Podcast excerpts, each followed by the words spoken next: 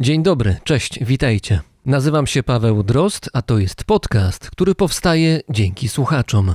To już setny odcinek i znacząca liczba. Niech więc będzie to odcinek wyjątkowy. Jak wiecie, w listopadzie zeszłego roku miałem przyjemność spędzić trochę czasu w Tanzanii. To był mój pierwszy zagraniczny wyjazd reporterski po dwóch latach przerwy i pierwsza taka podróż w ramach brzmienia świata, więc dla mnie osobiście rzecz to była szczególna. Przewiezione przeze mnie nagrania były treścią odcinka 84, ale na tym nie koniec.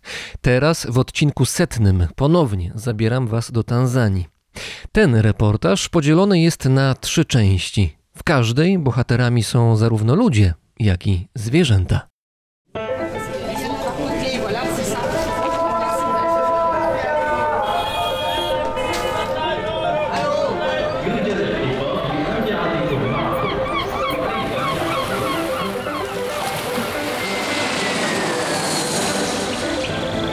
Capire arma, come deve essere programmato il questo primo Non si sa che cosa fa il latte e che cosa Brzmienie świata z lotu Drozda.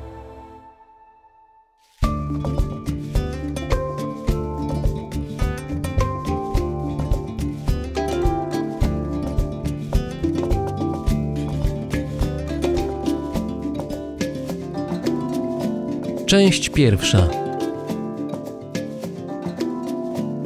Safari.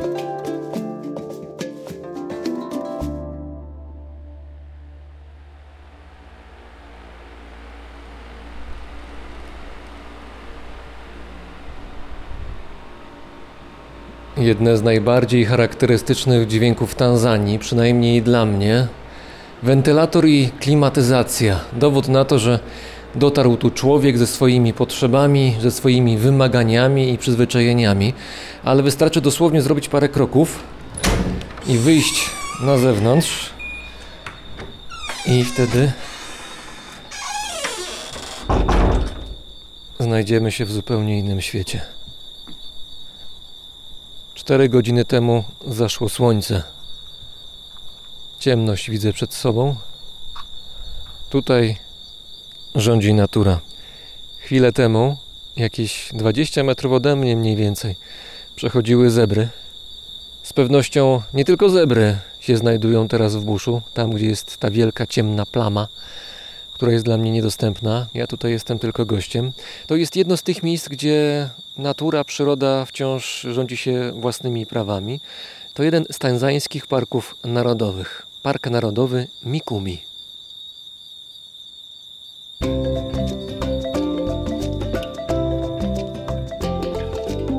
W Tanzanii istnieją 23 parki narodowe. Najnowszy utworzono dwa lata temu, a swoją nazwę wziął od Nyerere, polityka, który uznawany jest za ojca założyciela współczesnej Tanzanii. Wszystkie tutejsze parki narodowe zajmują ponad 15% lądowego obszaru państwa, ale jeśli dodać do tego rezerwaty i różnego rodzaju tereny chronione, okaże się wtedy, że miejscowa flora i fauna ma specjalny status na prawie 1 trzeciej terytorium Tanzanii. Kraju, który jest trzy razy większy od Polski. Bez wątpienia najbardziej znanym i najbardziej popularnym tanzańskim parkiem narodowym jest park Serengeti. Leży na równinie o tej samej nazwie, w północnej części kraju, tuż przy granicy z Kenią. Jeśli kiedykolwiek oglądaliście filmy przyrodnicze z afrykańską sawanną w roli głównej, z dużą dozą prawdopodobieństwa można uznać, że zdjęcia do tych filmów powstały właśnie w Parku Narodowym Serengeti. To tutaj każdego roku rozgrywa się gigantyczny spektakl, którego scenariusz napisała natura. Chodzi o masową migrację zwierząt. Milion siedemset tysięcy z nich pokonuje wtedy do tysiąca kilometrów w poszukiwaniu wody i żywności. Większość z nich to gnu, ale są też zebry czy gazele. Ocenia się, że w lutym, gdy przypada szczyt rozrodu gnu, dziennie przychodzi tam na świat 8 tysięcy tych zwierząt. Widzieliście kiedyś zdjęcia, na których widać setki stłoczonych gnu, które pokonują rzekę? Najpewniej były to gnu w rzece Mara w parku Serengeti. Wielka migracja to wielki wysiłek dla przemieszczających się zwierząt i jednocześnie ogromna szansa dla drapieżników, a jest ich niemało. Na obiad czekają lwy, lamparty, gepardy, likaony, hieny, krokodyle czy sępy. Przed pandemią każdego roku do parku Serengeti ściągało 350 tysięcy turystów z całego świata. Przyjeżdżają na safari. W przeszłości pod tym hasłem kryły się przede wszystkim polowania organizowane dla białych myśliwych. Obecnie natomiast safari oznacza raczej oglądanie zwierząt w ich naturalnym środowisku i co najwyżej polowanie na dobre kadry przy pomocy aparatu fotograficznego. Dobrze jest wiedzieć, że w języku Swahili słowo safari ma inne znaczenie. To po prostu podróż. Niekoniecznie do parku narodowego, dlatego kiedy na pożegnanie usłyszycie od Tanzańczyka safari njema, znaczy to, że życzę Wam po prostu bezpiecznej i dobrej podróży. Popularność Parku Narodowego Serengeti wśród turystów ma swoje wady. Po pierwsze, wyjazd tam może być kosztowny, a po drugie, szansa na kameralne safari bez towarzystwa ludzi jest tam niewielka. Z tego względu w Tanzanii warto rozważyć inne, mniej popularne parki narodowe, gdzie również możemy napatrzeć się na dzikie zwierzęta. Skorzystałem z tej możliwości w mało znanym, ale cenionym przez biologów parku Mikumi w środkowej części kraju. Safari dobrze jest zacząć wcześnie rano, tuż po świcie. Tak też robimy. Większość zwierząt jest wtedy aktywna, a gdy upał narasta, chowają się przed słońcem w cieniu i zwykle odpoczywają. Dobrym pomysłem jest wynajem samochodu terenowego i przewodnika. Nasz przewodnik nazywa się Benson. Hello, Bari, Bari, Zuri. How are you? Very well. How are you? Fine, fine. You go? Yeah, yeah. They did want me to pass, you know. Samochody przystosowane do safari mają podniesione siedzenia dla pasażerów, by można było widzieć więcej. Auta mogą mieć zamkniętą lub otwartą kabinę. Nasz samochód należy do drugiego rodzaju, co za chwilę będzie miało pewne znaczenie.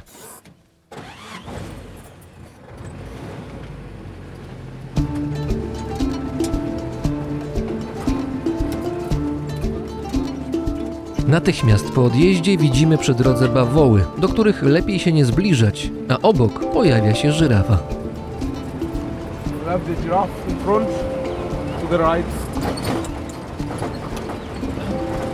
This is Maasai giraffe. Benson tłumaczy, że to żyrafa masajska, typowa dla Tanzanii i południowej Kenii. To niezwykłe zwierzę. Serce żyrafy, by zapewnić organizmowi odpowiedni przepływ krwi, również do mózgu, który jest nawet 6 metrów nad ziemią, musi wytworzyć ciśnienie dwukrotnie większe niż u człowieka. A serce żyrafy jest olbrzymie. Może ważyć nawet 11 kg. Żeby wysokie ciśnienie krwi nie uszkodziło mózgu, w szyi zwierzęcia istnieje specjalna sieć naczyń krwionośnych. Jedzenie przy tak długiej szyi również jest wyzwaniem, dlatego w przełyku żyrafa ma do dyspozycji bardzo silne mięśnie, które pomagają w transporcie pokarmu. Żyrafa rzadko pije wodę. Unika w ten sposób niebezpieczeństwa, ponieważ żeby zaczerpnąć wody, musi przyklęknąć lub rozstawić szeroko przednie nogi. Jest wtedy łatwym celem dla drapieżników. Natomiast gdy stoi, jest poważnym przeciwnikiem nawet dla lwów.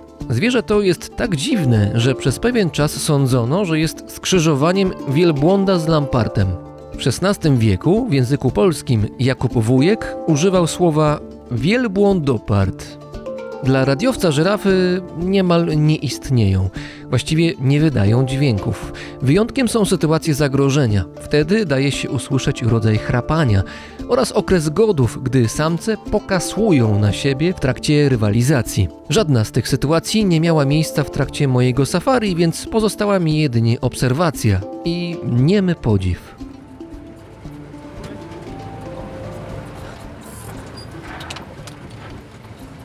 Po parku poruszamy się nieutwardzonymi drogami. Wysłużony, ale wciąż dzielny samochód chwieje się na boki, pokonując kolejne dziury. Nie minęło nawet 15 minut od wyjazdu, gdy mijamy stado zebr, guźce i kolejne żyrafy. To moje drugie safari w życiu, ale i tak przyglądam się zwierzętom z wielką przyjemnością. W końcu widzimy to, na co miałem nadzieję. Zaraz przy drodze stoją słonie. So they live in a, in a matriarchal society, means that the mother, the older mother is the leader of the family. Benson mówi, że w stadzie rządzi najstarsza samica oraz że istnieją trzy główne gatunki słoni. Afrykański, leśny, również żyje w Afryce, oraz indyjski, zwany też azjatyckim. Oglądamy słonie afrykańskie, łatwe do rozpoznania po dużych uszach, które według Bensona mają kształt Afryki. Słonie spotykamy podczas safari trzykrotnie, przy czym zdecydowanie ostatni raz okazał się wyjątkowy. Przy dużym stawie zgromadziły się liczne zwierzęta: zebry, bawoły, kilka gatunków ptaków i krokodyle, a na środku wodopoju odpoczywały hipopotamy.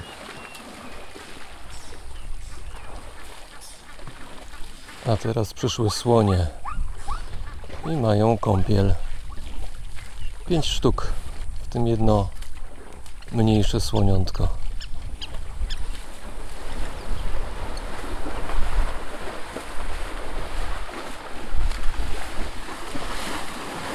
Ale głośno. Słonie wychodzą z wody i przeganiają bawoły. U. Tu rządzą słonie.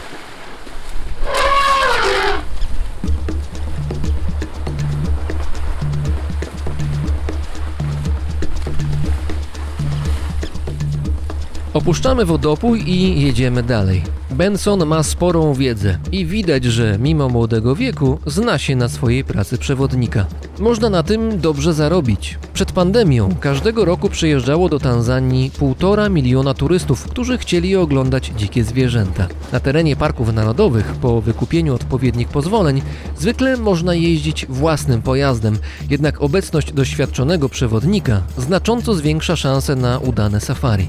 Dobre oko Bensona i jego znajomość terenu sprawiły, że krótko po zobaczeniu słoni mogłem z bliska podziwiać śpiącego na drzewie lamparta. A taka przygoda należy do wyjątkowych, nawet w Tanzanii. I kiedy myślałem już, że słonie i lampart były najciekawszymi fragmentami wycieczki, nagle Benson zjechał z drogi i nasz samochód z otwartą kabiną i bez drzwi wjechał w wysoką trawę.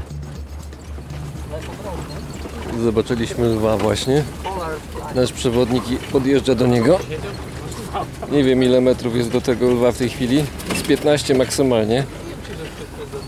Lew sprawia wrażenie nieco ospałego. Zbliżamy się jeszcze bardziej. 10 metrów. 8 metrów. 5 metrów. Oho. Ja nie jestem pewny, czy to jest dobre. Ja jestem teraz od prawej strony tego lwa. No nie czuję się jakoś super pewnie w tej chwili. No lew jest 4 metry od nas w tej chwili, od samochodu. Dyszy ciężko, najwyraźniej się najadł. Wcześniej widzieliśmy zabitą zebrę, więc pewnie to był jego obiad. Tak, już lepiej wracajmy. To jest jednak troszeczkę było za blisko, mam wrażenie. Standardy bezpieczeństwa chyba zostały delikatnie nagięte. A kiedy wydawało się, że wracamy na bezpieczną drogę, i kolejny lew. Ale ten wygląda na bardziej czujnego. Are you sure we can go there? O nie, znowu do niego jedziemy. O, kolejna zebra martwa. Lew właśnie się ruszył, idzie do nas. 6 metrów. 5 metrów. Aktualnie lew podszedł sobie do, do zebry, która jest już martwa. Podchodzi lew bliżej, 3 metry. No ja nie jestem jakoś pewny w tej chwili tej sytuacji. Lew, a właściwie lwica, przeszła obok mnie niemal na wyciągnięcie ręki. Gdyby chciała na mnie skoczyć, zajęłoby to ułamek sekundy, a ja w aucie bez dachu i drzwi, bez żadnej ochrony, nie mógłbym nic zrobić. Lwica pogardziła jednak posiłkiem z Polski i zdecydowała się ruszyć przed siebie, a Benson ruszył za nią. Pokazując na widoczne w cieniu zagłębienie niedaleko nas, powiedział, że widać tam małe lwy. Czy tak, na pewno lwica z małym to jest synonim bezpieczeństwa. Jedziemy teraz wzdłuż drogi, tak jak idzie lew. Właściwie to jest tak, lew jest przed nami, a my za nim jedziemy. Jakieś 3-4 metry. Lew zdaje się nie interesować naszą obecnością, prawdopodobnie jest już najedzony, ale prawdę mówiąc nie postawiłbym na to paru dolarów, bo pomyłka może być bolesna. W Tanzanii w 2010 roku, gdy przeprowadzano ostatnie wiarygodne badania, policzono, że w kraju żyje 16 800 osobników i ta liczba sukcesywnie spada. Lwy oraz inne drapieżniki, takie jak lamparty czy hieny, atakują czasem ludzi i w tym kontekście lwy są zdecydowanymi liderami. Odpowiadają za 60% takich przypadków. Co więcej, gdy lew zaatakuje, niemal na pewno kończy się to śmiercią ofiary. W latach 1990-2004, 15 lat, lwy zabiły 563 Tanzańczyków i raniły kolejnych 300 osób. Wśród drapieżników na drugim miejscu niechlubnych statystyk znalazła się hiena. Ludzie nie pozostają lwom dłużni. Rocznie, celowo zabijają ponad 70 tych zwierząt. Ale czy lwy mają realny wpływ na bezpieczeństwo Tanzańczyków? Rzućmy okiem na statystyki. W Tanzanii główną przyczyną odejścia z tego świata są choroby serca. Wysoko w rankingu znajduje się też gruźlica, wypadki samochodowe, które są zmorą Tanzanii oraz malaria. Śmierć w wyniku kontaktu z lwami zdarza się zbyt rzadko, by została ujęta w tych statystykach, a mimo tego dzikie zwierzęta mają często złą prasę. I nie chodzi tylko o drapieżniki. Żeby się o tym przekonać, z Parku Narodowego Mikumi jadę dalej na zachód, do Doliny Kilombero. To jeden z najszybciej rozwijających się regionów Tanzanii. Żyzne ziemie przyciągają rolników z całego kraju, którzy uprawiają tu głównie ryż i trzcinę cukrową. W Dolinie Kilombero odwiedzam jedną z wiosek.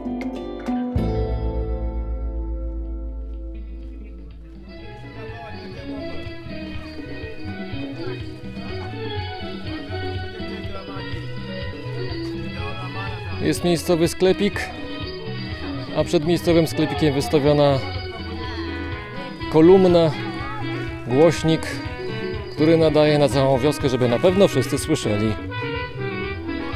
A muzyka taka jaka słychać. Zaraz pod głośnikiem kogut rozprostowuje skrzydła, tutaj pod drzewem dwójka dzieci sobie siedzi. Ja już nie słyszę swoich myśli. Tak jest, kogut pieje.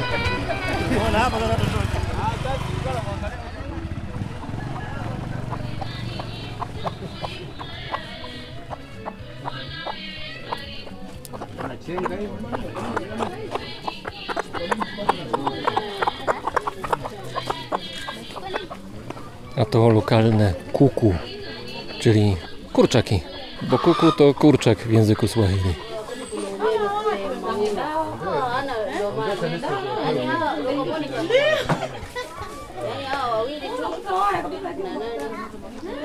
I wiadomo, przy lokalnym sklepiku najwięcej się dzieje, najwięcej ludzi się gromadzi. Tu można się z kimś spotkać, porozmawiać, wymienić ostatnie informacje, plotki, ploteczki, uścisnąć dłoń, przekazać pozdrowienia. Tutaj toczy się życie wioski.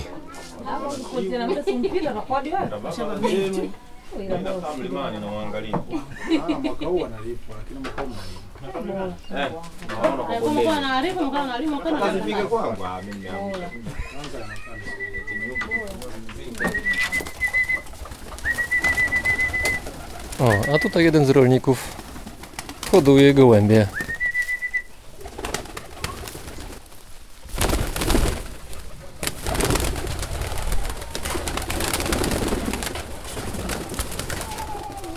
Gołębi sporo przychodzą wtedy, kiedy właściciel zagwiżdży i rzuci im trochę ziarna. Są już nauczone. Te gołębie nie są tutaj dlatego, że ładnie wyglądają i że świetnie się prezentują w locie, ale są wykorzystywane po prostu do jedzenia. To jest element diety.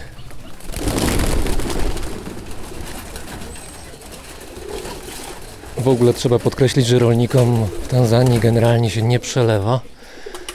Co prawda ziemia rodzi czasami nawet kilka razy do roku, więc zawsze coś wyrośnie, da się zjeść.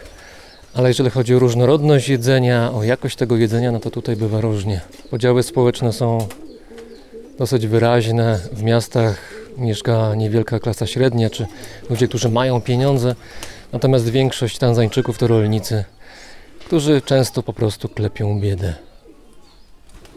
Dolina Kilombero i jej tereny rolnicze rozciągają się pomiędzy obszarami chronionymi. Z jednej strony jest Park Narodowy Nyerere, z drugiej Górski Park Narodowy Udzungła, a z trzeciej rezerwat Magombero. Na tych terenach żyje mnóstwo dzikich zwierząt, w tym gatunki chronione i gatunki endemiczne. Z większych wymienić należy bawoły, hipopotamy, krokodyle i wiele gatunków małp. Są również słonie. Dużo słoni.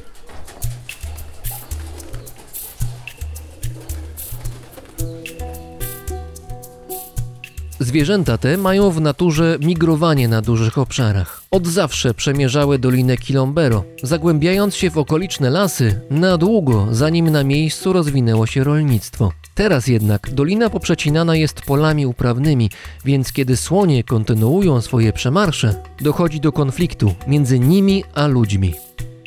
Naitwa Salum Mamba, nipo hapa nalima mpunga, nalima eka nne, W wiosce rozmawiam z jednym z rolników. Nazywa się Salom Mamba. Jest dość zamożny jak na miejscowe warunki. Na czterech akrach uprawia ryż. Słonie wielokrotnie wchodziły na jego pola i niszczyły uprawy. Nie chodzi jedynie o to, że przez pola przechodziły, ale korzystały z łatwo dostępnego jedzenia. Taka wizyta może doprowadzić rolnika do bankructwa, a wtedy cierpią całe rodziny. Salom Mamba mówi, że normalnie z jednego akra podczas zbiorów ma 13 worków ryżu, ale kiedy przychodzą słonie, liczba ta spada pięciokrotnie. Na szczęście te sytuacje zdarzają się teraz rzadko, ponieważ pomiędzy polami uprawnymi a granicą Parku Narodowego, skąd wychodzą słonie, postawiono ogrodzenie. I nie chodzi o zwykłe ogrodzenie. Słonie mają przecież tyle siły i sprytu, że przed darmowym posiłkiem nie powstrzyma ich zwykła przeszkoda terenowa. Wiedzą o tym biolodzy i aktywiści, którzy działają w organizacji o nazwie STEP. Wykorzystuje ona bardzo nietypowe, eksperymentalne i do tego często skuteczne metody zatrzymywania słoni w Dolinie Kilombero. Ich pomysły są zadziwiające i co więcej, nie szkodzą słoniom. Więcej na ten temat dowiecie się z 46 odcinka Brzmienia Świata, w którym metody te zostały dokładnie omówione. Jedna z nich zainteresowała mnie szczególnie. Chodzi o barierę, w której główną rolę pełnią pszczoły afrykańskie. Na tyczkach rozwieszone są linki, a na nich co kilka, kilkanaście metrów zwisają ule. Gdy słoń chce przejść na drugą stronę, wprawia ule w ruch. To z kolei wyprowadza z równowagi pszczoły, które rzucają się na intruza, więc słoń musi się wycofać, a pola rolników są bezpieczne. Chciałem na własnej skórze sprawdzić, jak takie ogrodzenie działa w praktyce. Od lokalnych pszczelarzy dostałem gruby strój ochronny, jednak okazał się za mały, nie zakrywał dobrze nóg. Mimo tego postanowiłem zaryzykować. Mam długie rękawice zakończone gumą. Na sobie taki e, materiał, chyba bawełniany, ale dosyć gruby i ciężki, jednoczęściowy. I siatkę na sobie taką trochę wyglądam jak szermierz, albo może bardziej jak szpadzista.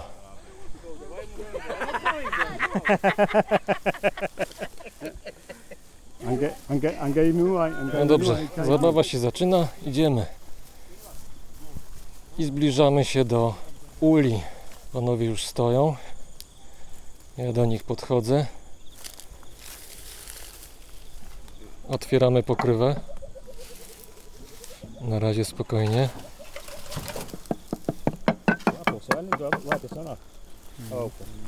Pszczoły afrykańskie należą do najbardziej agresywnych na świecie. To nie są pszczoły europejskie, które są dosyć łagodne i dosyć szybko odpuszczają przeciwnikowi albo osobie, która się do nich zbliża.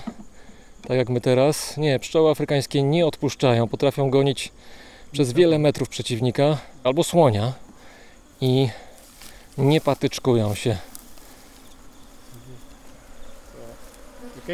Latają.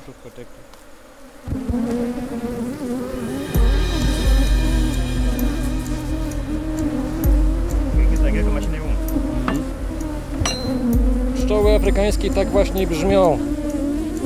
Nie brzmi to fajnie, tak to powiem. Latają wszędzie. Trochę ciemno przed oczami się w tej chwili robi. Nie z emocji, tylko z powodu liczby pszczół. Tak, tutaj miód panowie pokazują. Nie, I can see it. Aha. Do you know how many bees are inside this hive? Ah. Nie wiedzą ile pszczół jest w środku. Ja też chyba nie chcę wiedzieć. Wystarczająco dużo. Urządlenie pszczół afrykańskich nie jest jakoś super bolesne, podobno. Natomiast problem polega w tym, że one atakują chmarami i naprawdę nie odpuszczają. W tej chwili siedzi mnóstwo na mikrofonie, siedzi na siatce, przez którą patrzę. Latają wszędzie. Panowie obok zachowują profesjonalny spokój, a ja ciągle pamiętam o tym, że skarpetki są jedyną przestrzenią, jedyną warstwą, która chroni mnie przed pszczołami i z całą pewnością, gdyby jakaś pszczoła afrykańska, jedna z tych, które tu latają, a jest ich całkiem sporo, chciała się przebić, zrobi to z wielką łatwością, o ile wpadnie na to, że tam jest warstwa, gdzie się można przebić. No, It's a weak colony. weak, Yeah. one są słabe, te pszczoły są akurat słabe, ta kolonia podobno słaba jest. Nie powiedziałbym, polemizowałbym.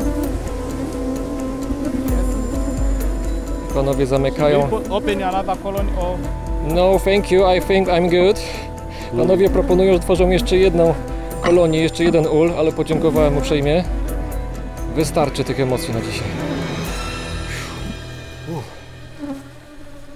Zamykamy. W Tanzanii żyje około 50 tysięcy słoni, ponad dwa razy mniej niż jeszcze 10 lat temu. Przyczyną jest kłusownictwo, które ostatnio udało się drastycznie ograniczyć. Mimo, że słoni jest stosunkowo niewiele, ich konflikt z ludźmi narasta, ponieważ pola uprawne coraz częściej docierają do obszarów zamieszkanych przez dzikie zwierzęta. Ludzie tracą przez nie pieniądze i ubożeją. Rodzi się frustracja i niechęć do słoni. Te natomiast, spychane ze swoich terytoriów, częściej szukają pożywienia na polach. Rozwój rolnictwa wpływa też na inne zwierzęta roślinożerne. Migrują w poszukiwaniu spokojnych i bezpiecznych obszarów. Wtedy ich śladem wędrują drapieżniki, które przechodząc przez wioski przy okazji włączają do swojej diety zwierzęta gospodarskie. To z kolei budzi zrozumiały gniew ludzi. Widać więc wyraźnie, że to system naczyń połączonych.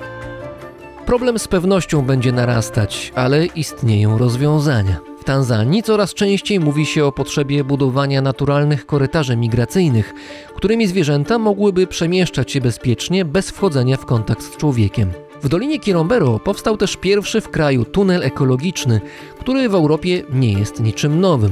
Takim tunelem, zbudowanym pod drogą, mogą przechodzić zwierzęta bez ryzyka zderzenia się z samochodami. Równolegle do takich inicjatyw wiele organizacji działających w Tanzanii stawia na edukację ludzi. Ci dowiadują się więcej o zachowaniach słoni oraz innych dzikich zwierząt. Coraz częściej wiedzą, jak reagować, gdy dojdzie do kontaktu. Uczą się koegzystować ze światem natury, który z przeciwnika staje się sąsiadem.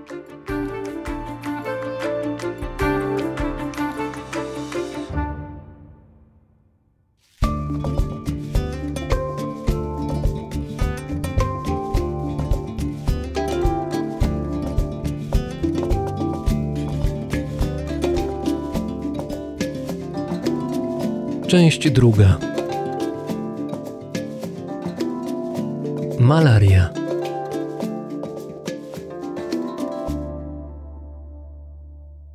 Mało jest chorób o tak dużym znaczeniu i tak długiej historii jak malaria. Wiadomo, że na długo przed pojawieniem się człowieka na malarię cierpiały dinozaury. Istnieją wiarygodne przesłanki dla teorii, zgodnie z którą choroby przenoszone przez komary, m.in. malaria, poważnie osłabiły populację tych zwierząt, a w rezultacie miały wpływ na ich wyginięcie.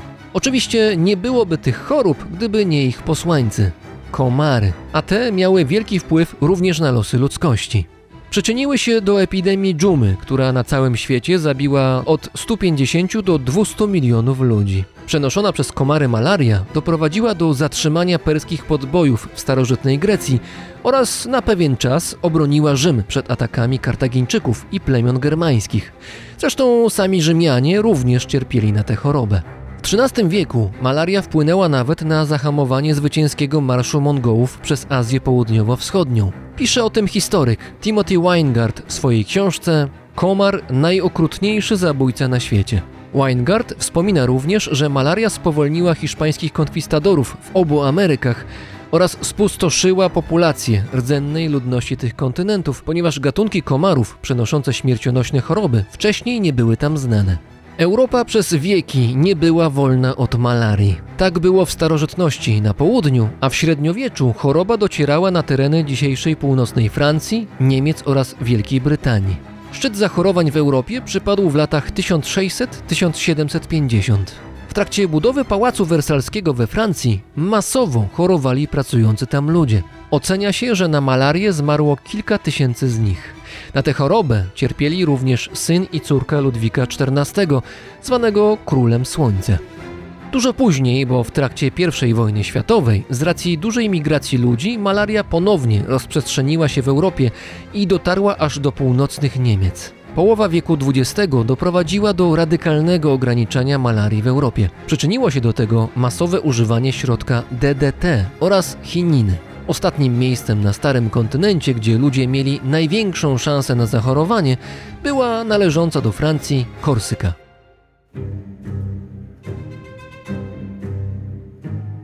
Malarię powodują pierwotniaki pasożytnicze zwane zarodźcami z rodzaju plasmodium. Istnieją cztery główne zarodźce tego typu, które odpowiadają za niemal wszystkie przypadki malarii na świecie, ale sprawcą największej liczby śmiertelnych zachorowań na malarię, aż 90%, jest jeden zarodziec zarodziec sierpowy Plasmodium falciparum.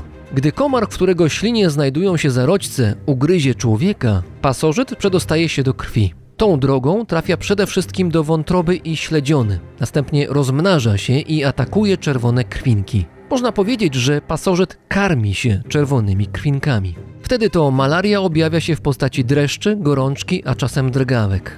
Objawy te powtarzają się cyklicznie co kilka dni, stąd nazwy takie jak trzeciaczka czy czwartaczka.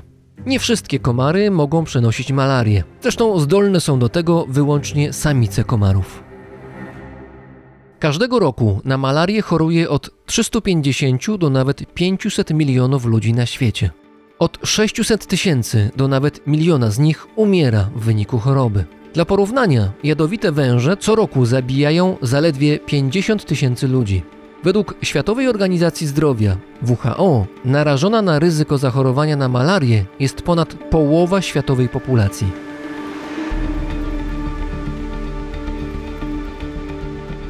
Malarię można wyleczyć, o ile kuracja będzie rozpoczęta szybko. Pierwszym lekiem przeciwko tej chorobie była chinina. Jest to substancja pozyskiwana z drzewa chininowego z Ameryki Południowej. Używali jej rdzenni mieszkańcy dzisiejszego Peru oraz Boliwii do leczenia różnych chorób, ale nie malarii. Stamtąd w XVII wieku chinina trafiła do Europy, gdzie malaria była poważnym problemem. Na dworze Ludwika XIV rodzina królewska leczona była właśnie specyfikami z chininą. Lek ten wpływa toksycznie na pasożyty malarii, blokując ich zdolność do rozmnażania. Chinina ma jednak dużo skutków ubocznych, dlatego współcześnie zaleca się ją jedynie wtedy, gdy inne leki są niedostępne. Dzisiaj głównym orężem w walce o zdrowie chorych na malarię jest artemizyna, lek, który powstał dzięki wojnie.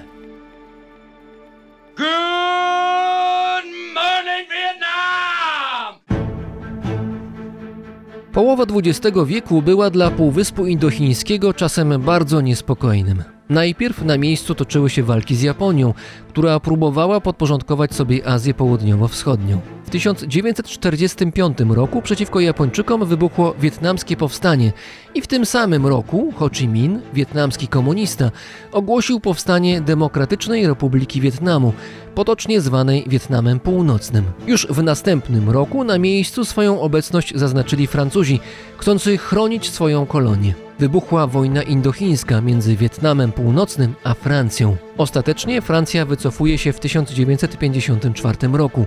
Wtedy do gry coraz silniej wkraczają Stany Zjednoczone i rozpoczyna się druga wojna indochińska, którą znamy jako wojna wietnamska. Jedną z kluczowych kwestii podczas tego konfliktu był tzw. szlak Ho Chi Minha. Mimo nazwy chodziło nie tyle o szlak, co o złożony system schowanych w lesie dróg, który łączył Wietnam Północny z Wietnamem Południowym. Drogi te przebiegały przez Laos i Kambodżę, sąsiadujące z Wietnamem kraje, a służył do transportu broni i paliwa dla wojsk komunistycznych. W transport zaangażowane były tysiące ludzi. Oprócz amerykańskich ataków z powietrza, ich największym przeciwnikiem były komary i przenoszona przez nie malaria. Ludzie chorowali masowo i przez to nie byli w stanie pracować, a jeśli walka miała zakończyć się zwycięstwem, szlak musiał działać. Ho Chi Minh, przywódca Wietnamu Północnego, wiedział o powadze sytuacji, również z własnego doświadczenia. W 1945 roku sam zachorował na malarię. Wtedy z pomocą przyszli mu amerykańscy lekarze, których wysłało OSS Biuro Służb Strategicznych. OSS było amerykańską agencją wywiadowczą, będącą bezpośrednią poprzedniczką CIA. Wówczas Ho Chi Minh współpracował jeszcze z Amerykanami przeciwko Japończykom. Wrogami zostali 20 lat później. Wiedząc, że malaria jest dla jego ludzi problemem, w 1967 roku Ho Chi Minh zwrócił się o pomoc do komunistycznych Chin. Zależało mu, by Chińczycy znaleźli lek na tę chorobę. Czas nie grał na jego korzyść, ponieważ zaledwie rok wcześniej Mao Tse-tung rozpoczął rewolucję kulturalną, która doprowadziła kraj do zapaści. Mimo tego Mao zgodził się pomóc koledzy z Wietnamu. Kierował się przy tym zarówno względami wojskowymi, jak i korzyścią dla samych Chin, gdzie na południu kraju malaria również była utrapieniem. Wytypowano 600 naukowców chińskich, którzy rozpoczęli badania w ramach tajnego przedsięwzięcia wojskowego o nazwie Projekt 523. Jedną z liderek prac była Tu Yu Yu, chińska specjalistka z zakresu chemii i farmakologii. Jej zdaniem rozwiązania problemu należało szukać w medycynie tradycyjnej, dlatego pod lupą znalazły się dawne dzieła chińskie dotyczące zielarstwa, a szczególnie jedno z nich pochodzące z IV wieku naszej ery. Tu Yu Yu przeczytała tam o leczniczych zaletach bylicy rocznej, Artemisia annua, rośliny powszechnie dostępnej nie tylko w Azji. Po serii testów i niepowodzeń udało się w końcu sporządzić aktywny chemicznie ekstrakt z tej rośliny. Próby, najpierw na zwierzętach, a potem na ludziach, pokazały, że lek działa bardzo dobrze. Dziś znamy go jako artemizynę i występuje zwykle w formie syntetycznej. O przełomowych wynikach chińskich badań świat dowiedział się po publikacji z 1979 roku w anglojęzycznym chińskim dzienniku medycznym. Mimo tego Światowa Organizacja Zdrowia po latach badań i testów klinicznych dopiero w 2006 roku zarekomendowała artemizyny jako główny i najlepszy lek na malarię, niezależnie od regionu świata. Za swoją pracę i odkrycie artemizyny Tu Yu Yu została doceniona późno, bo w 2015 roku, kiedy odebrała Nagrodę Nobla w dziedzinie medycyny. Niestety dla nas pasożyty są w stanie wytworzyć odporność na niemal każdy lek. I są już pewne tego symptomy. Jak informuje Światowa Organizacja Zdrowia, w Kambodży, w Tajlandii i Laosie oraz przy granicy birmańsko-indyjskiej notowane są pierwsze przypadki zachorowań, których nie udaje się wyleczyć przy pomocy artemizyny. Wciąż jednak terapia przy pomocy tego leku zapewnia 90% szans na wyleczenie. Problem polega jednak na tym, że nie mamy dla artemizyny podobnie skutecznej alternatywy, więc jeśli w przyszłości pasożyty malarii masowo się na nią uodpornią, ofensywa przeciwko malarii zostanie znacząco zahamowana. Lekooporna malaria to realne zagrożenie. W latach 70. i 80. w Azji zauważono, że pasożyty malarii wytworzyły odporność na dwa inne popularne wtedy leki chlorochinę i pirymetaninę. Istnieje jeszcze jeden ważny aspekt malarii. Chorobę tę można wyleczyć tylko przy szybkim i odpowiednim działaniu, ale i tak nie zawsze się to udaje. Niektóre pasożyty malarii mogą przetrwać w organizmie człowieka w formie uśpionej, co po miesiącach lub nawet latach może spowodować nawrót choroby.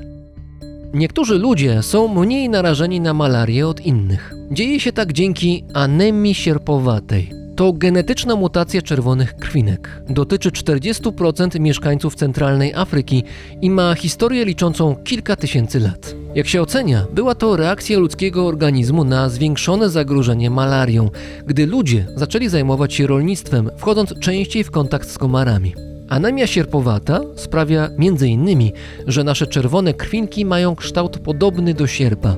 To bardzo utrudnia pasożytowi malarii zaatakowanie tych komórek, przez co szansa zachorowania jest wyraźnie mniejsza niż u innych osób.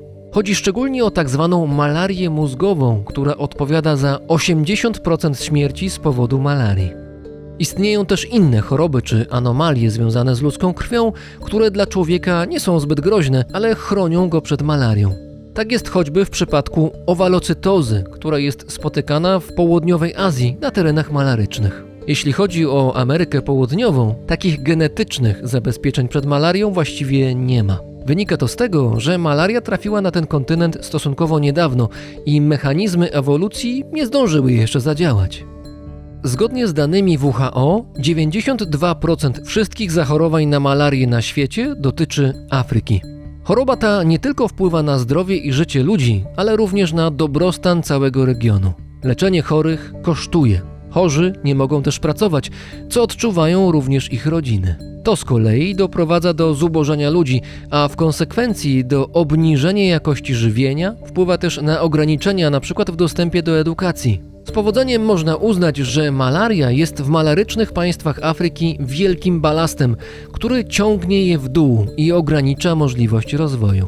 Co roku od 400 do 500 tysięcy Afrykańczyków umiera na malarię i zwykle są to dzieci do 5 roku życia. Najczęściej malaria atakuje w Nigerii, aż 25% przypadków, w Kongu, w Mozambiku i Ugandzie. Jeszcze do niedawna trzecie miejsce w tym rankingu zajmowała Tanzania, ale sytuacja w tym kraju wciąż się poprawia.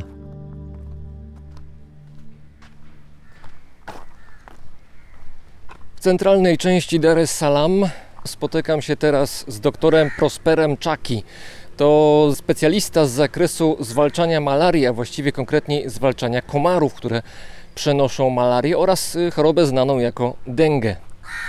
Doktor Czaki pracuje tutaj od kilkunastu lat, zwalczając komary, a jego pracę zauważył nie kto inny jak Bill Gates, który oczywiście kojarzy się przede wszystkim z komputerami, ale jest też bardzo zaangażowany i zainteresowany sprawami związanymi właśnie z walką z malarią.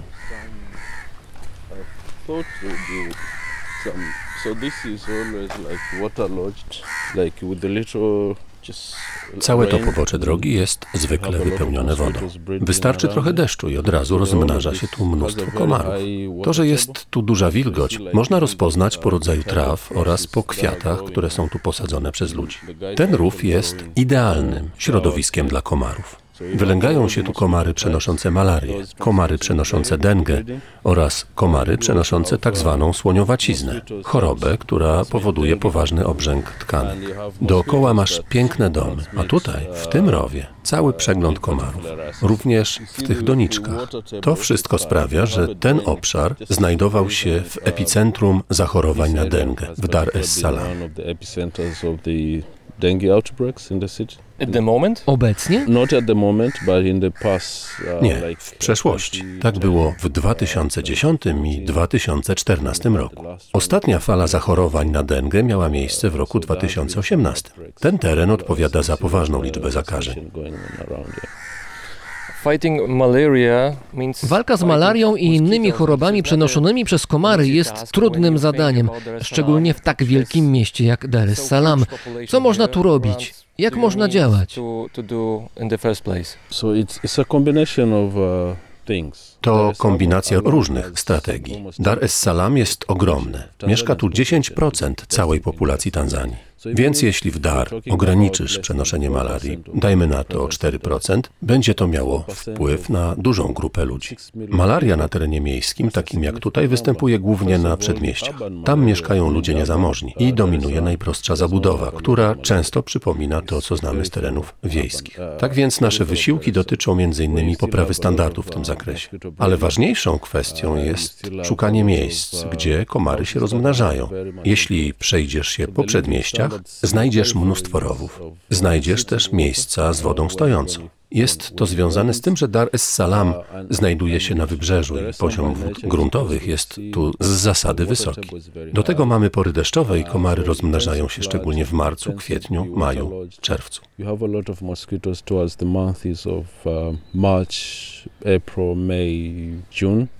I wtedy regularnie zdarzają się duże powodzie, które zalewają miasto. Zgadza się, ale malaria pojawia się też jesienią, w czasie małej pory deszczowej, zwykle w październiku i listopadzie. Wtedy oprócz malarii mamy również więcej zachorowań na. Because O właśnie, możesz zobaczyć komara. Mam właśnie jakiegoś komara, który lata koło mnie w tej chwili. Yeah, so that's uh, that's Aedes. That's an Aedes mosquito because it's black and white. To był tak zwany komar tygrysi. Można go rozpoznać po kolorze ciała, jest biało-czarny. Ten gatunek może przenosić kilka chorób, innymi dengę. Sam widzisz, że nawet tutaj, w miejscu, które wydaje się spokojne, czyste, gdzie mamy dobrze rozwinięte, ekskluzywne osiedla, również tutaj, poza ogrodzeniami drogich domów, możesz spotkać niebezpieczne dla człowieka komary. Właściciele tych domów spędzają czas głównie w środku, więc są raczej bezpieczni. Ale co ze stróżem przy bramie? Co z ogrodnikiem? Co z innymi pracownikami? Na to też zwracamy uwagę, że musimy zadbać o wszystkich. Jeśli zostawimy stróża bez opieki, zachoruje na malarię, a potem od niego będą zakażały się komary, które rozniosą pasożyty dalej. W efekcie bardziej zagrożeni będą również sami właściciele domu. To efekt domina. Trzeba mieć tego świadomość. Walka z malarią odbywa się na wielu frontach. Bardzo ważne jest używanie repelentów, środków odstraszających komary, które aplikuje się na skórę. I ludzie o tym wiedzą. Korzystają z repelentów oraz innych środków, takich jak moskitiery nad łóżkami. To skuteczne metody walki z malarią. Oczywiście komary potrafią dostosowywać się do zmian w otoczeniu, w tym do zachowań człowieka. My jednak umiemy zwalczać je zanim zaczną latać, gdy są w stanie larwalnym. Odnajdujemy zbiorniki wodne, rowy lub małe rozlewiska, gdzie rozmnażają się komary i tam stosujemy larwicydy. To preparaty, które zabijają larwy komarów. Nasz program zwalczania tych owadów w Dar es Salaam rozpoczęliśmy w 2003 roku. Wtedy malaria była tu powszechnym problemem. To była choroba numer jeden. W szpitalach większość pacjentów to byli chorzy na malarię. Obecnie nasze działania doprowadziły do obniżenia liczby zachorowań o ponad 3 czwarte w porównaniu z tamtym czasem. W walce z malarią istotna jest też diagnostyka. Obecnie, jeśli czujesz się źle i podejrzewasz malarię, możesz przebadać się w laboratorium. Rapid diagnostics. You have microscopy. Słyszałem też, że każdy może kupić sobie szybki test na malarię w aptece. Zgadza się. W każdej aptece są łatwo dostępne. Po 15-20 minutach masz wynik i wiesz, czy jesteś chory. Taki test kosztuje około 3 dolary i wiadomo, że nie wszystkich na niego stać, ale kwota jest racjonalna i znajduje się w zasięgu wielu ludzi. Szybkie testy na malarię są dofinansowywane przez rząd Tanzanii. Mamy nadzieję, że wkrótce tego typu testy będą produkowane w naszym kraju. Wtedy ich cena powinna być jeszcze niższa i więcej ludzi będzie mogło z nich skorzystać. To do that. Have you ever had malaria? Miał pan kiedyś malarię? I think that's uh, that's an obvious one. I've had. Uh, Odpowiedź na to maybe, pytanie jest oczywista. uh, Miałem malarię setki razy, nawet e, przestałem liczyć. Z tego powodu bardziej istotne jest pytanie, czy miałem kiedyś poważną malarię. Tak, raz miałem taki przypadek, który nieomal skończył się szpitalem. Zwykle objawy malarii to ból głowy, utrata apetytu, poczucie zmęczenia, Bolą cię wszystkie mięśnie, całe ciało. Do tego dochodzi wysoka gorączka i czasami biegunka. Wiem, że jeden z pana kolegów po fachu, Fredros Okumu, również z Instytutu Ifakara, badał komary karmiąc je własną krwią. Jak działa ta metoda? Well, so it's it's a crude method because if you really want to understand the behavior of mosquitoes, To metoda brutalna, ale jeśli naprawdę chcesz poznać i zrozumieć zachowanie komarów, musisz w badaniach zbliżyć się do realiów najbliżej, jak to tylko możliwe. Wiadomo, że większość komarów typując ofiary najchętniej wybiera ludzi, ale dlaczego tak jest? Żeby to sprawdzić, potrzebujesz ochotnika, człowieka i wystawiasz go na działanie komarów. Obok możesz zapewnić komarom alternatywę, na przykład w postaci krwi bydła. Wtedy przyglądasz się, co się dzieje. To normalna procedura. Tak to się robi. Nikt nikogo do niczego nie zmusza. voluntary. You're not pushing anyone. It's risky. Ale to ryzykowne. But normally what we do is we, we often do Tak, ale zwykle do badań używamy uh, naszych własnych, dopiero co powstałych komarów. Mamy do tego specjalną zamkniętą komarzą farmę, jedną z największych tego typu na świecie. Dzięki niej dr Fredros Okumu odkrył, że komary szczególnie interesują się ludzkimi stopami. Potem okazało się, że przyciąga je zapach tych stóp. Wtedy można było stworzyć specjalne pułapki na komary oraz specyfiki je odstraszające. Komary z naszej farmy nie mają kontaktu z komarami żyjącymi w naturze. Nie przenoszą więc chorób. Mimo tego, na wszelki wypadek, ochotnicy badani są na obecność malarii czy dengę przed kontaktem z owadami, żeby nie przenosić ewentualnej choroby dalej oraz zaraz po kontakcie. Jeśli wykryjemy chorobę, człowiek od razu poddawany jest leczeniu.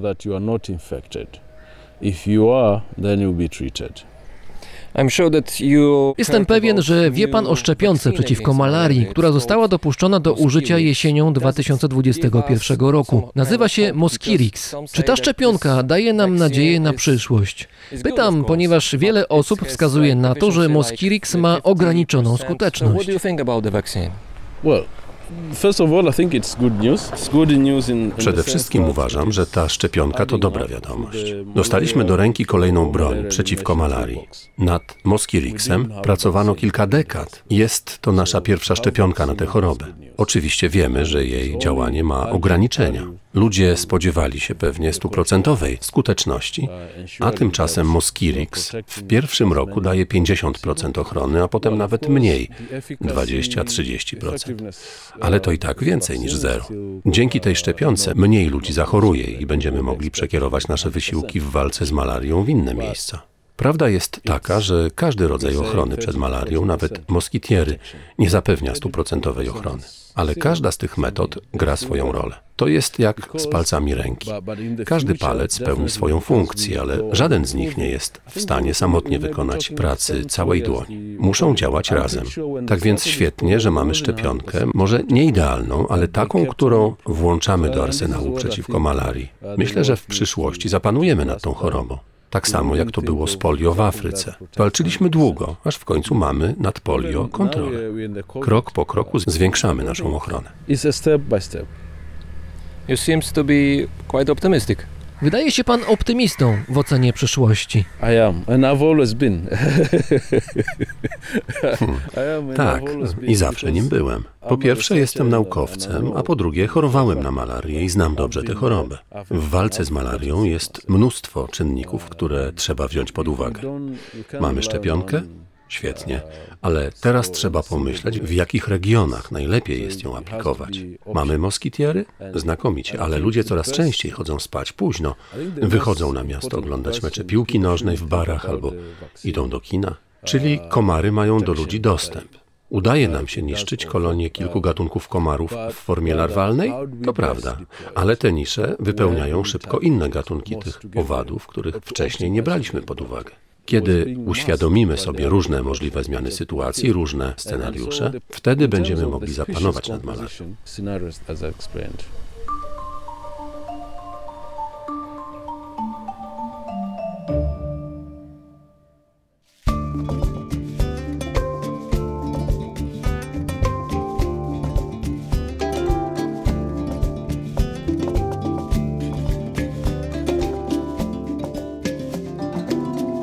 Część trzecia.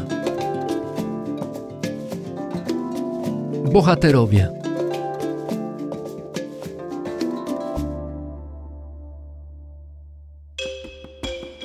Z Dar es Salaam na wybrzeżu jadę na zachód, do Morogoro. Raptem 200 km pokonuję samochodem w 6 godzin. W Tanzanii nic specjalnego. Morogoro jest średniej wielkości miastem, przyjemnie położonym niedaleko gór. To ważne miejsce na rolniczej mapie kraju. Jadę tam jednak nie dla uprawianej w regionie kawy czy sizalu, ale dla szczurów. W latach 90. belgijski inżynier Bart Weltjens uznał, że światowym problemem, który ma wpływ na miliony ludzi, są miny przeciwpiechotne. To nietypowa broń. Zakopane w ziemi miny są niewidoczne dla ludzi. Wejście na nie powoduje detonację, co dla ofiary kończy się śmiercią lub bardzo często poważnymi obrażeniami. Ludzie tracą w ten sposób nogi lub ręce, czasami wzrok. Mimo, że każda wojna kiedyś się kończy, miny dalej tkwią w ziemi, wciąż stanowiąc zagrożenie. Ich obecność jest jednym z powodów, dla których wiele państw nie może się rozwijać. Miny bowiem nie tylko zabijają i kaleczą, zamykają również duże obszary, które stają się zbyt niebezpieczne, by mogły być wykorzystywane. Ocenia się, że na świecie w Ziemi co najmniej 60 krajów zakopanych jest ponad 100 milionów min. Najwięcej w Afryce i w Azji. Niechlubnymi liderami są Egipt, Angola, Iran, Afganistan, Irak, Chiny, Kambodża i Somalia, a w Europie Bośnia i Chorwacja. Oczywiście miny można usunąć, jednak jest to drogi i skomplikowany proces. Jedna mina przeciwpiechotna kosztuje do 30 dolarów, a jej usunięcie to koszt 10 lub nawet 30 razy wyższy. Bart Weitsienz chciał zmienić sytuację. Szukał nowej, taniej metody, która zadziała w warunkach krajów rozwijających się, tam gdzie min jest najwięcej. Zaczął sprawdzać możliwości gryzoni, szczególnie szczurów. Sam zresztą jako dziecko hodował te zwierzęta w domu. Szczury mają niebywale czuły zmysł węchu. Pod tym względem wśród ssaków są niemal bezkonkurencyjne. Do tego są to zwierzęta o dużej inteligencji. Weitsienz uznał, że trzeba to wykorzystać i 25 lat temu stworzył APOPO, ośrodek zajmujący się rozwojem badań nad wykrywaniem min przeciwpiechotnych. Moją przewodniczką w APOPO jest Lili Shalom. Spotykam się z nią o świcie, tuż po 6 rano. Oboje nie przepadamy za wczesną pobudką, ale nie ma innego wyjścia. Wczesny ranek jest tym momentem w ciągu dnia, gdy jest już jasno, ale słońce nie atakuje jeszcze z największą mocą. To ma znaczenie dla treningu szczurów, które źle znoszą upały. So this is the Apopo training minefield. It's a 24 hectare piece of land and it's divided into all these Jesteśmy na ćwiczebnym polu minowym Apopo. Zajmuje 24 hektary i podzielone jest na prostokątne obszary treningowe. Różnią się wielkością. Mają od 60 do 100 metrów kwadratowych. Szczury rozpoczynają trening na najmniejszych obszarach, aż po zdobyciu odpowiednich umiejętności pracują na największych z nich. Zanim nasi podopieczni trafią na to ćwiczebne pole minowe, przechodzą wstępny trening w naszym ośrodku, w pomieszczeniach zamkniętych. Na początku działalności APOPO do treningów wykorzystywane były szczury odławiane z ich naturalnego środowiska, ale szybko okazało się, że najlepiej będzie rozmnażać je bezpośrednio w ośrodku. Właściwie nie są to szczury, lecz zwierzęta nieco większe od nich, znane jako wielkoszczury południowe. Zwykle szczury laboratoryjne żyją 2 do 3 lat. Tymczasem trening, który umożliwia wykrywanie min, zajmuje od 9 do 12 miesięcy. Z tego powodu uznano, że najlepszym kandydatem do pracy z minami będzie właśnie wielkoszczur południowy. To pospolite zwierzę w Afryce subsaharyjskiej. Żyje od 6 do 8 lat, więc znacznie dłużej niż zwykły szczur, co ma dla nas znaczenie. Jest duże. Wielkością przypomina kota. Cat. Samice z młodymi pozostają ze swoim potomstwem przez co najmniej 4 tygodnie. Mają wtedy zapewniony spokój i dobre warunki do rozwoju. Po tym czasie młode otwierają oczy i stają się bardziej ruchliwe. Wtedy rozpoczyna się proces oswajania. Każdego dnia małe szczury zabierane są na trawę lub w inne bezpieczne miejsce, gdzie bawią się ze swoimi opiekunami. We start to play with them basically. Po 10-15 minutach małe szczury są już zmęczone. I like the job. Podoba mi się ta praca. It's like they're literally falling asleep. in your Dosłownie zasypiają na Twoich dłoniach. Młode wielkoszczury muszą oswoić się z obecnością człowieka. Muszą oswoić się też z dziennym światłem, ponieważ w naturze wolą aktywność po zmierzchu. Między człowiekiem a zwierzęciem powinno wytworzyć się obustronne zaufanie. To ważna część treningu. Nie rozdzielamy rodzeństwa, ponieważ wielkoszczury lubią towarzystwo. Podział następuje dopiero wtedy, gdy zwierzęta osiągają dojrzałość. Wówczas dzielimy je zgodnie z płcią, ale wcześniej bracia mieszkają z siostrami. Together, sisters or brothers, they would they would be housed together. So the rats then at 10 weeks old begin basic clicker training. Gdy nasze szczury mają już 10 tygodni, rozpoczynają się pierwsze treningi z klikaniem. Wygląda to tak, że opiekun przy pomocy prostego urządzenia wytwarza dźwięk i zaraz potem szczur dostaje jedzenie. W kolejnym etapie wykorzystujemy małe metalowe zaparzacze do herbaty. Mają kształt jajka, więc po angielsku mówią na to T-egg. Do środka wkładamy małą porcję materiału wybuchowego TNT i kładziemy na stole. I kiedy szczur podejdzie w końcu do takiego jajka, do takiego zaparzacza, słyszy kliknięcie i dostaje jedzenie. W ten sposób młode zwierzęta kojarzą zapach ładunku wybuchowego z nagrodą, a węch mają znakomity. Później na stole kładziemy wiele zaparzaczy, w niektórych jest TNT, a w innych nie. To jeszcze bardziej uczy szczury, że celem jest materiał wybuchowy, a nie na przykład metal jako taki. Czy używacie do tego treningu prawdziwych materiałów wybuchowych? Bo to brzmi trochę jak praca w niebezpiecznym laboratorium. Właściwie TNT nie jest takie niebezpieczne, jeśli obchodzić się z nim w odpowiedni sposób i kiedy nie ma zapalnika. W każdym razie w kolejnej fazie treningu próbki TNT w zaparzaczach zakopujemy w ziemi. Szczury zachowują się wtedy jak szczeniaki. Wykopują zaparzacze i czasami nawet starają się zabrać je ze sobą do swoich legowisk. Słodko to wygląda. Gdy ten etap w naszym zamkniętym ośrodku jest zakończony, zwierzęta przyjeżdżają tutaj, na pole minowe.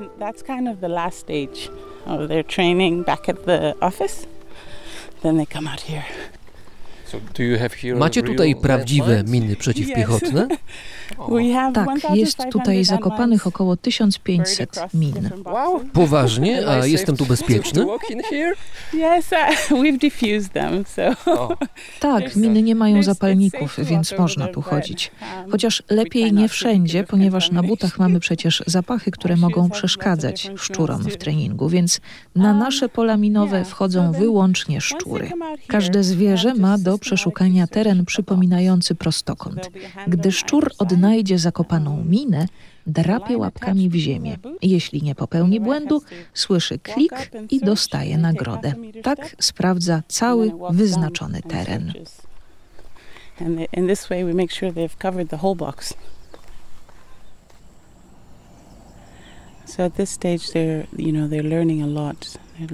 Podczas treningu na polu minowym szczury uczą się bardzo dużo, jak się poruszać, jak skręcać. Nie chodzi tylko o odnalezienie celów. Tutaj widzisz, jak szczurzyca, ma na imię Veridiana, coś znalazła. Drapie o ziemię, usłyszała klik i dostaje nagrodę. Dwóch mężczyzn jest po dwóch stronach wąskiego pola. W środku jest szczur. On ma na sobie, ona właściwie w tym wypadku, ma na sobie taką małą uprząż, czasami małe psy mają coś takiego. Ta uprząż z kolei jest przywiązana do sznurka, a sznurek jest rozciągnięty pomiędzy mężczyznami. I szczur chodzi z jednej strony do drugiej, z jednej do drugiej. Idzie raz na lewo, raz na prawo, raz na lewo, raz na prawo i w ten sposób poruszamy się do przodu powoli. I kiedy znajdzie, o tak jak teraz, będzie klik. Tak, szczur znalazł minę, szczur jest zadowolony i szuka dalej. Obserwujemy, jak w różnych częściach ćwiczebnego pola szczury węszą nosem tuż przy ziemi i co jakiś czas podbiegają do opiekunów po przysmaki. Wszyscy uczniowie, jak Lili mówi na trenowane szczury, przyjeżdżają na pole minowe w sporych klatkach umieszczonych na ciężarówce, którą Lili nazywa szkolnym autobusem. A w szkolnym autobusie są w tej chwili klatki różnych szczurów. Widzę imiona tych szczurów. Miriam, Jaden, Sumner, Kalasewda, Ginny i Nikola Tesla. I like the name Podoba Nikola mi Tesla. się. That's funny. Niektóre szczury noszą bardzo znane nazwiska. Mamy tu sporo znanych piłkarzy, na przykład Ronaldo, Messi. Do you have Lewandowski? I don't think so. You should have. You should propose it. Właśnie zaproponowałem, żeby jeden ze szczurów może nazywał się Lewandowski. Dlaczego nie? Przechodzimy do drugiej części pola ćwiczebnego. Tutaj też toczy się trening, ale tutaj są już bardziej zaawansowani studenci.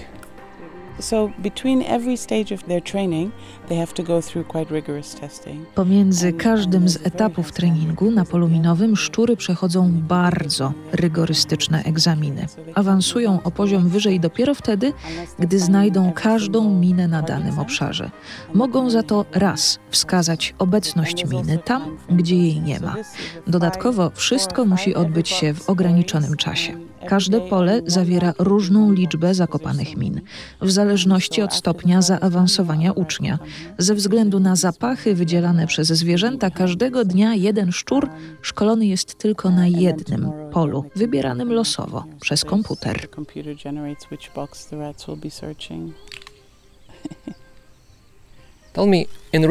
Co się dzieje na prawdziwym polu minowym, gdy szczur odnajdzie minę?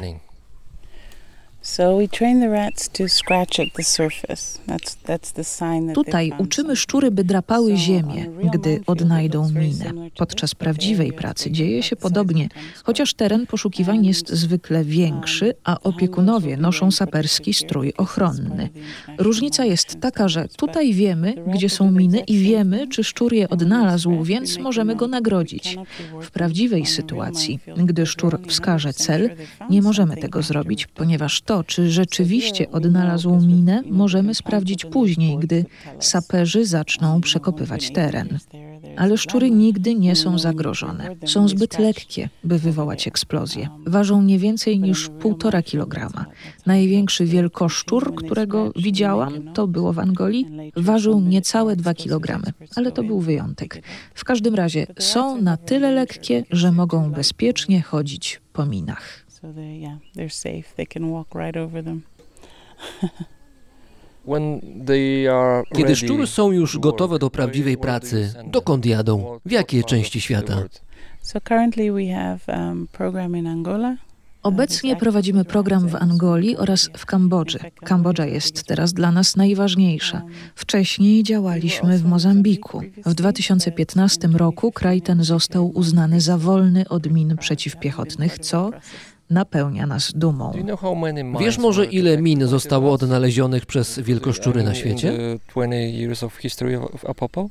Uh, Z tego co pamiętam, to co najmniej kilkadziesiąt tysięcy, przy czym chodzi zarówno o miny, jak i inne przedmioty zawierające ładunki wybuchowe, na przykład bomby i amunicję. you know, leftover bombs. In Mozambique, they're also finding small arms and ammunition, so it's possible they find more than just landmines. Jest już siódma rano, a słońce szybko wspina się po niebie.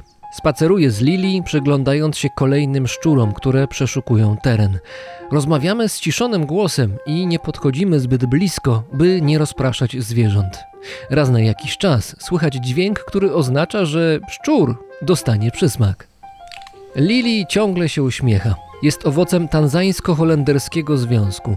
Próbowała mieszkać w Holandii, ale jak sama mówi, ten kraj jest nudny i zbyt przewidywalny, ponieważ wszystko działa w nim jak w zegarku. Za to Tanzania jest dla Lili miejscem ciekawszym, pełnym działania i wyzwań. Z tego powodu dołączyła do zespołu Apopo w mieście Morogoro.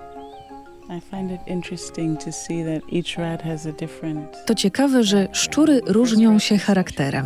Szczurzyca, którą widzieliśmy na początku, drapała w ziemię bardzo energicznie. Natomiast ten szczur tutaj drapie słabiej, ale za to jest bardzo szybki i widać z jakim zaangażowaniem węszy, szukając celów. Opiekunowie zwierząt muszą znać ich zachowanie. Muszą wiedzieć, co jest normalnym zachowaniem dla danego ucznia. To pozwala im ocenić postępy w nauce. A Popo wybrało wielkoszczury południowe między innymi dlatego, że choć współpracują z ludźmi, nie nawiązują z nimi głębokich relacji, jak na przykład psy. Poza tym wyszkolenie szczura jest pięć razy tańsze od wyszkolenia psa. Kiedy gotowe do pracy wielkoszczury wysyłamy do Angolii lub Kambodży, przejmują je miejscowi opiekunowie. Wcześniej ci ludzie byli u nas na specjalnym szkoleniu. Uczyli się, jak pracować ze szczurami w terenie, ale też jak się nimi opiekować i jak karmić, żeby miały dostęp do witamin i mikroelementów. Wielkoszczury Uwielbiają owoce, różnego rodzaju ziarna. Kochają awokado, pomidory, kukurydzę, orzeszki ziemne. To wszystko, co lubią podkradać od człowieka, kiedy żyją w naturze. W Kambodży cały zespół tworzą Kambodżanie. Na miejscu są teraz tylko dwaj Tanzańczycy, którzy upewniają się, że wszystkie działania spełniają nasze standardy oraz że szczury mają zapewnioną właściwą opiekę. To ważne, ponieważ nawet niewielkie zmiany w szczurzych przyzwyczajeniach mogą skutkować zmianą ich zachowań podczas pracy. To bardzo inteligentne zwierzęta. Przecież wyjeżdżając stąd muszą wykazać się stuprocentową wykrywalnością min. To zadanie trudne nawet dla człowieka, co dopiero dla małego zwierzęcia, ale dają radę. Są bardzo bystre. Um, so it's, it's a pretty big ask for anyone, let alone an animal, but they do. They're, they're very, very smart. Obszar 100 metrów kwadratowych szczur musi sprawdzić w 20 minut.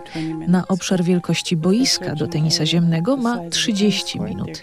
Dla porównania człowiek z wykrywaczem metali potrzebuje na to od 2 do 4 dni. Dużo zależy od terenu. Pola minowe często znajdują się obok mostów, rzek i dróg, więc w ziemi jest tam sporo metalowych elementów, które nie są minami, a to spowalnia pracę człowieka z wykrywaczem metalu. Szczury nie mają tego problemu. Czasami działają tak szybko, że kończą pracę pół roku przed planowanym końcem projektu, co pozwala nam zaoszczędzić pieniądze i użyć je w innych przedsięwzięciach. We have. Porozmawiajmy o dobrostanie wielkoszczurów. Czasami pojawiają się wątpliwości, czy na pewno jest im u Was dobrze. Uh, Wszystkie szczury co tydzień mają jeden dzień przerwy. Czas na zabawę. Przychodzi nawet specjalista, osoba znająca zachowania i potrzeby tych zwierząt, która upewnia się, że wszystko jest w porządku. Szczury mają wtedy do dyspozycji duży, ogrodzony, zacieniony teren, w którym mogą spędzać czas tak, jak lubią. Mogą kopać dziury, wspinać się. things to climb Plac zabaw. Taki plac zabaw. To jest czas dla przyjemności. Jak już wspomniałam, dużo uwagi przykładamy do żywienia i zdrowia szczurów. Ich dieta jest odpowiednio zbilansowana, zwykle raz w tygodniu. Wszystkie zwierzęta są sprawdzane przez weterynarzy.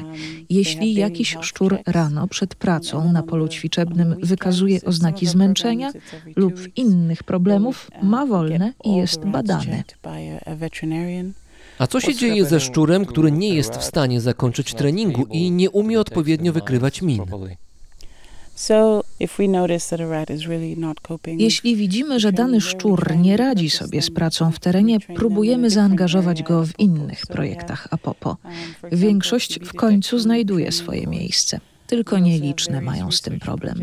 Wtedy przechodzą na emeryturę. Nie wypuszczamy ich wolno, ponieważ jako zwierzęta udomowione nie poradziłyby sobie w naturze. Mamy w Apopo specjalny duży wybieg dla szczurów emerytów, gdzie zwierzęta mogą żyć do końca swoich dni spokojnie i pod opieką. Zresztą wszystkie szczury przechodzą na emeryturę w wieku 6-7 lat, kiedy widzimy, że nie pracują już tak chętnie jak wcześniej i są mniej aktywne. I w ramach dbania o dobrostan wszystkich szczurów pracujących w terenie, a są to przecież zwierzęta nocne, nakładamy na ich uszy oraz ogony krem przeciwsłoneczny, by dodatkowo chronić je przed działaniem słońca. Just to sort of, we don't know what effect the sun has on them, so we're just trying to protect them a little bit extra in that way. And this happens uh, across our programs. Gdy zbliża się południe i słońce zaczyna operować silniej, szczury wracają do szkolnego autobusu i odwożone są do bazy Apopo, kilka kilometrów od pola ćwiczebnego. Tam trafiają do pomieszczeń, w których można przetrwać nadciągający upał. Również Lili i ja jedziemy do bazy Apopo.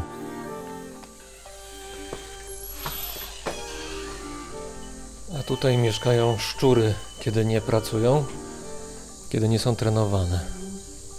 Oh, this is Wilson. No, this is Nikola Tesla. I, I know this one.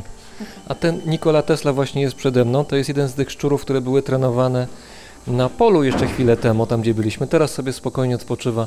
Tutaj w takiej całkiem sporej klatce ma do dyspozycji taką norkę ceramiczną, całkiem sporą. Ona trochę imituje norę naturalną, w której normalnie taki szczur by sobie żył. Jest też ściółka drewniana. Hello! Kocham szczury, naprawdę są znakomitymi zwierzętami. Właśnie jeden taki tutaj wystawia mordkę do mnie. Z przyjemnością bym go przytulił. Mówimy lekko przyciszonym głosem, dlatego że szczury powinny mieć tutaj spokój.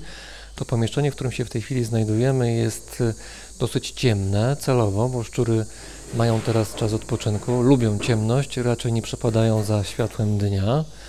I kiedy się robi tutaj goręcej, to włączane są tutaj wentylatory, które są w tej chwili nade mną i szczurom jest przyjemniej. Szczury, kiedy są już dorosłymi, montowane mają mikrochipy, trochę tak jak zwierzęta domowe typu koty, czasami psy też to mają. To jest po to, żeby można było odróżnić jednego szczura od drugiego, dzięki temu wiedzieć, że akurat ten szczur jest trenowany do wykrywania min przeciwpiechotnych, a inny na przykład do wykrywania gruźlicy. Lili, słysząc, że lubię szczury, prosi jednego z opiekunów, by pozwolił mi potrzymać podopiecznego. Wielkoszczur trafia na moje ręce. Jest ciężki i bardzo ruchliwy. Odżywają wspomnienia, gdy w dzieciństwie miałem w domu szczury hodowlane. Najpierw dwie samice, potem dwa samce, z których jeden, z racji wielkości, nosił imię Herkules.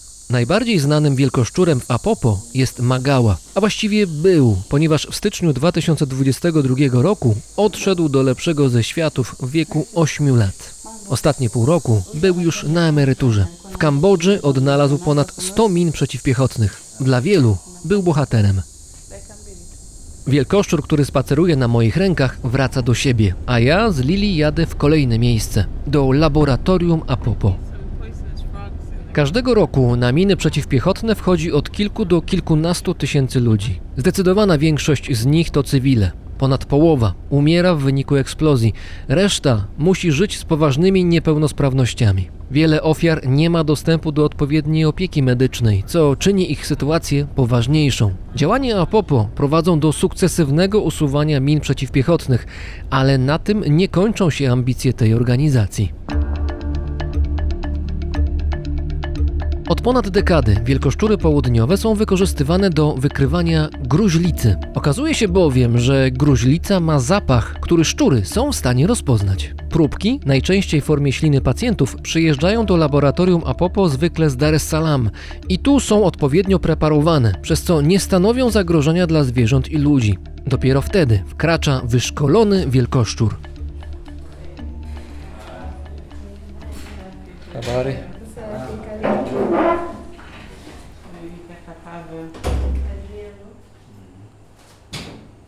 Szczur został wsadzony do czegoś w rodzaju terrarium, długiego, szklonego. Chodzi tam sobie w środku i za chwilę zostaną mu przedstawione próbki do zbadania. Będzie sprawdzał, czy w tych próbkach są ślady gruźlicy. Próbki są montowane pod spodem, pod tym terrarium. Dno terrarium ma otwory, które można otwierać i zamykać i po kolei te przestrzenie są otwierane i szczur pochodzi, podchodzi do nich. O, teraz drapie. Aha, znalazł prawdopodobnie. Pod numerem 5 była próbka z gruźlicą. Dostał nagrodę i szuka dalej. Gruźlica jest chorobą, która zbiera na świecie duże żniwo. Każdego roku kontakt z nią ma 10 milionów ludzi. 3 miliony nie wie, że choruje, a milion 800 tysięcy ludzi umiera. Co roku. Choroba ta jest dużym problemem w Afryce, również w Tanzanii. Gruźlicę można wyleczyć, o ile jest wykryta w początkowym stadium, ale żeby to zrobić, trzeba przeprowadzić badania. Przy pomocy tradycyjnych technik mikroskopowych dziennie można przebadać 40 próbek. Przeszkolony wielkoszczur jest znacznie szybszy. Na zbadanie 100 próbek potrzebuje jedynie 20 minut.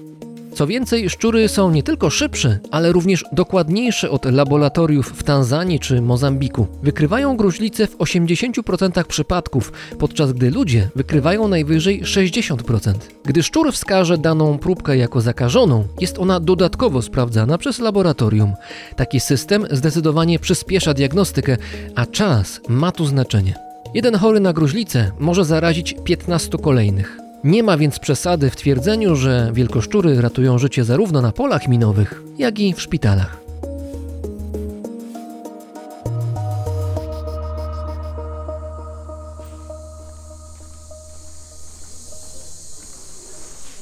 Ale wielkoszczur południowy może być przydatny i wykorzystywany też w innych sytuacjach.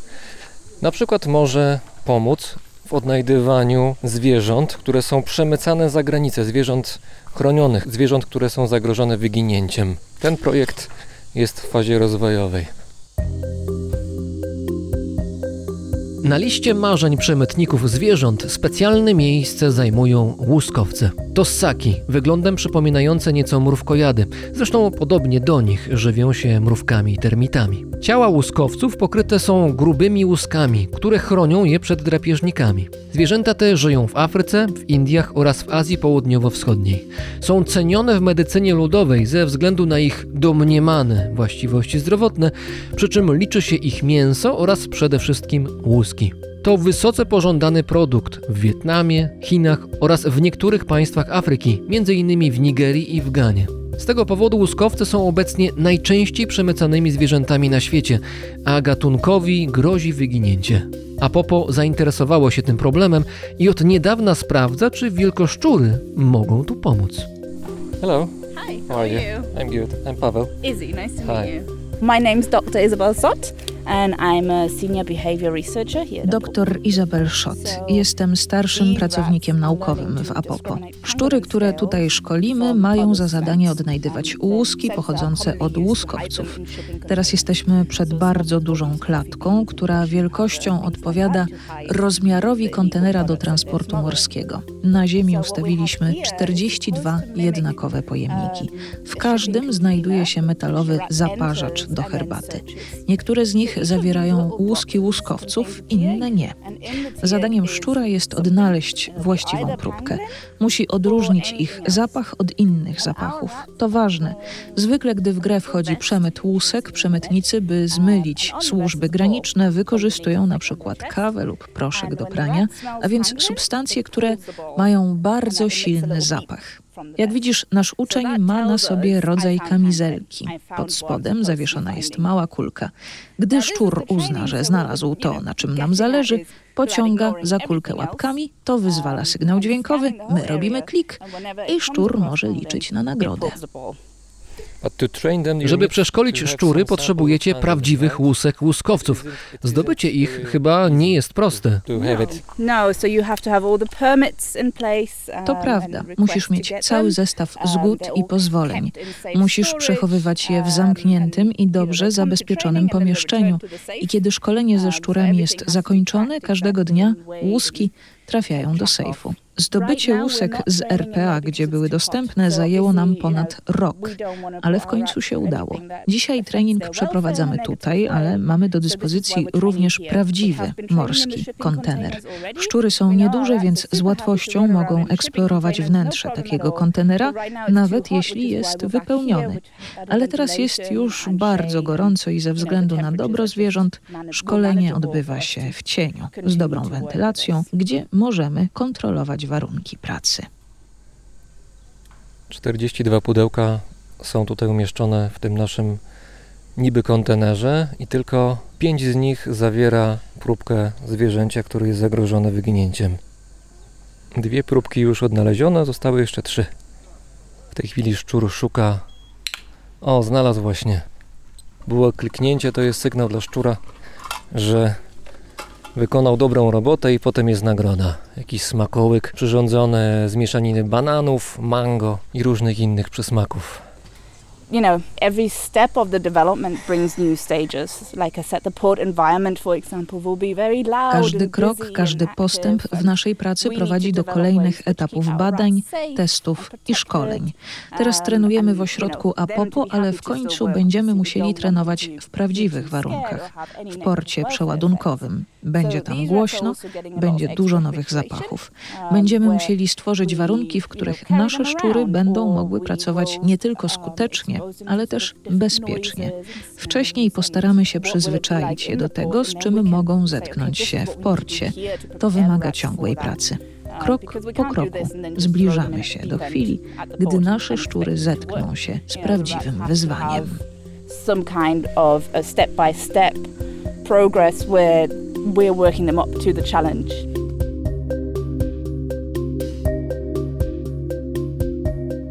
Wielkoszczury z ośrodka Apopo nie są jeszcze gotowe do poszukiwań łusek łuskowców w kontenerach portowych, ale ich trening jest już zaawansowany. Być może wkrótce nie tylko psy, ale również szczury będą pracowały z celnikami w poszukiwaniu nielegalnych transportów. Na tym jednak nie koniec. Apopo pracuje już nad wykorzystaniem tych zwierząt również w innych obszarach. Jednym z nich jest poszukiwanie osób uwięzionych w zniszczonych budynkach. Na miejscu w Morogoro miałem okazję obserwować jeden z takich treningów. Szczur miał odszukać w pomieszczeniu człowieka, a następnie oznajmić o tym opiekunowi przez pociągnięcie kulki przytwierdzonej do swojej mini kamizelki. Szkolenia tego typu wymagają jeszcze wielu miesięcy intensywnej pracy, ale już teraz testowane są niewielkie kamery wraz z mikrofonem i głośnikiem. Przytwierdzone do niesionego przez szczura mini plecaka urządzenie umożliwi komunikację między ratownikami a osobami poszkodowanymi. Taki przynajmniej mają pomysł badacze z organizacji Apopo. Wielu z nich podkreśla, że jesteśmy dopiero na początku odkrywania możliwości wielkoszczurów południowych, których potencjał wydaje się niewyczerpany. Na koniec mojej wycieczki po ośrodku Apopo Lili zabiera mnie do miejsca, gdzie na trawie bawią się młode wilkoszczury w towarzystwie opiekuna, a później idziemy do pomieszczenia, gdzie w specjalnych klatkach imitujących szczurze nory mieszkają najmłodsi podopieczni Apopo. Przyglądamy się im z pewnej odległości. Mają około 4 tygodni w tej chwili. Because they've got the grey fur already. Usually they, they come out very pink, like. Jak się rodzą, to już są całulutkie różowe, ale te już mają trochę sierści na sobie, więc widać, że są nieco starsze niż takie najmniejsze. O, mama wyszła. Uuu. Let's go, let's go. Mama chyba nie jest zadowolona, idziemy. Wychodzimy.